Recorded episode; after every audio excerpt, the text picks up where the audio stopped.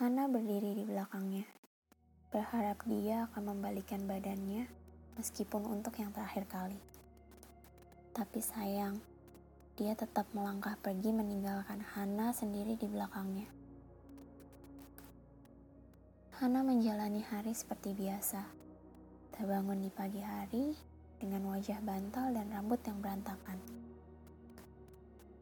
Lalu menghabiskan segelas susu dengan selembar roti yang dioleskan butter. Setelah itu, dia bersiap-siap untuk menjalani aktivitas harian seperti biasa. Semuanya selalu sama. Yang berbeda hanyalah hari yang berganti dan waktu yang terus berjalan. Pagi itu, Hana berdiri di depan kaca, melihat dirinya sendiri dari ujung kepala hingga ujung kaki lalu memandang wajahnya di cermin. Hai, kamu. Semangat ya. Pokoknya, lakukan semua hal hari ini sebaik mungkin dengan kapasitas yang kamu miliki. Aku dan kamu bersama-sama, kita pasti bisa. Hana merasa gila karena bicara sendiri. Tapi hal itu membantu dirinya untuk tetap semangat menjalani harinya. Hana pergi menuju kafe tempat dia biasa menghabiskan waktu untuk bekerja. Hours Cafe. Tak terlalu jauh dari tempat tinggalnya. Hanya berjarak 5 km mungkin. Setidaknya, untuk jarak tempuh dia mengendarai sepeda tidak terlalu jauh untuknya. Hot chocolate dengan sepiring croissant isi blueberry menjadi pesanan favorit Hana di sana. Bisa dibilang, dia selalu memesan pesanan yang sama. Sampai-sampai Rio, salah satu barista di kafe itu, hafal dengan pesanannya. Saking hafalnya, Hana tidak perlu lagi ke meja kasir untuk order. Dia duduk di dekat jendela dengan pemandangan langsung ke jalan. Satu-satunya spot yang paling membuatnya nyaman dan cukup tenang untuk mencari inspirasi. Hana mulai membuka laptopnya dan mengeluarkan buku not kecil yang berisikan macam-macam catatan. Dari mulai catatan yang penting sampai yang tidak penting ada di sana. Suara kerincing dari pintu masuk kafe berbunyi, menandakan ada seseorang yang melewati pintu tersebut. Hana tak menghiraukan siapa itu. Sampai suara gelas pecah memecah konsentrasinya dan menarik perhatian Hana ke sana. Ternyata itu seorang pelanggan yang menjatuhkan kopinya di depan kasir. Membuat lantai di sana terlihat kotor dan lengket karena tumpahan kopi itu. Uh, kak, saya minta maaf ya, saya tidak sengaja. Uh, akan saya buatkan yang baru ya minumannya. Terdengar suara gemetar seorang pelayan wanita dengan pakaian magang berdiri di sana.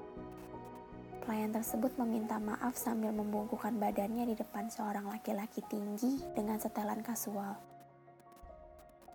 Hana memandangi wajah laki-laki tersebut. Aku seperti pernah melihatnya.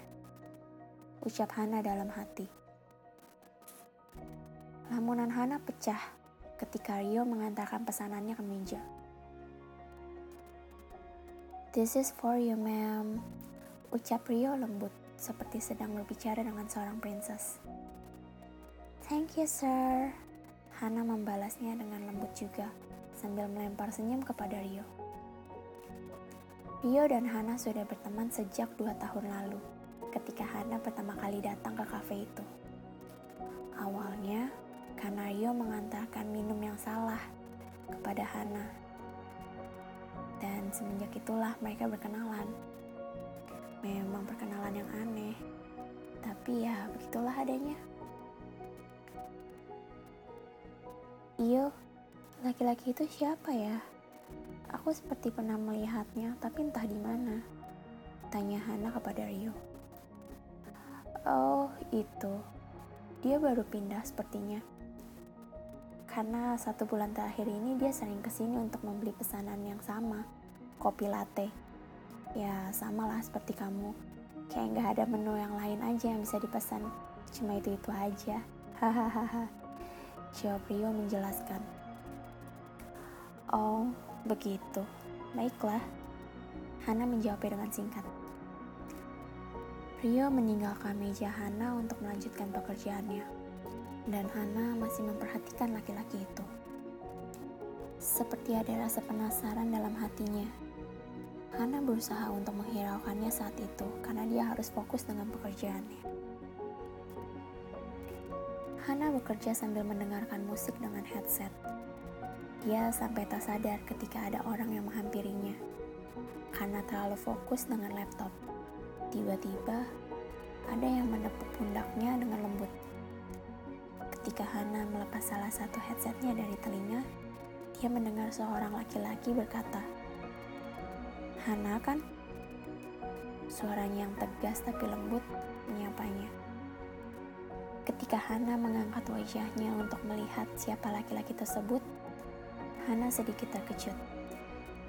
Itu dia. Dia laki-laki yang tadi menjatuhkan gelas kopinya di depan kasir. Dari mana dia tahu namaku? Dan kenapa dia di sini?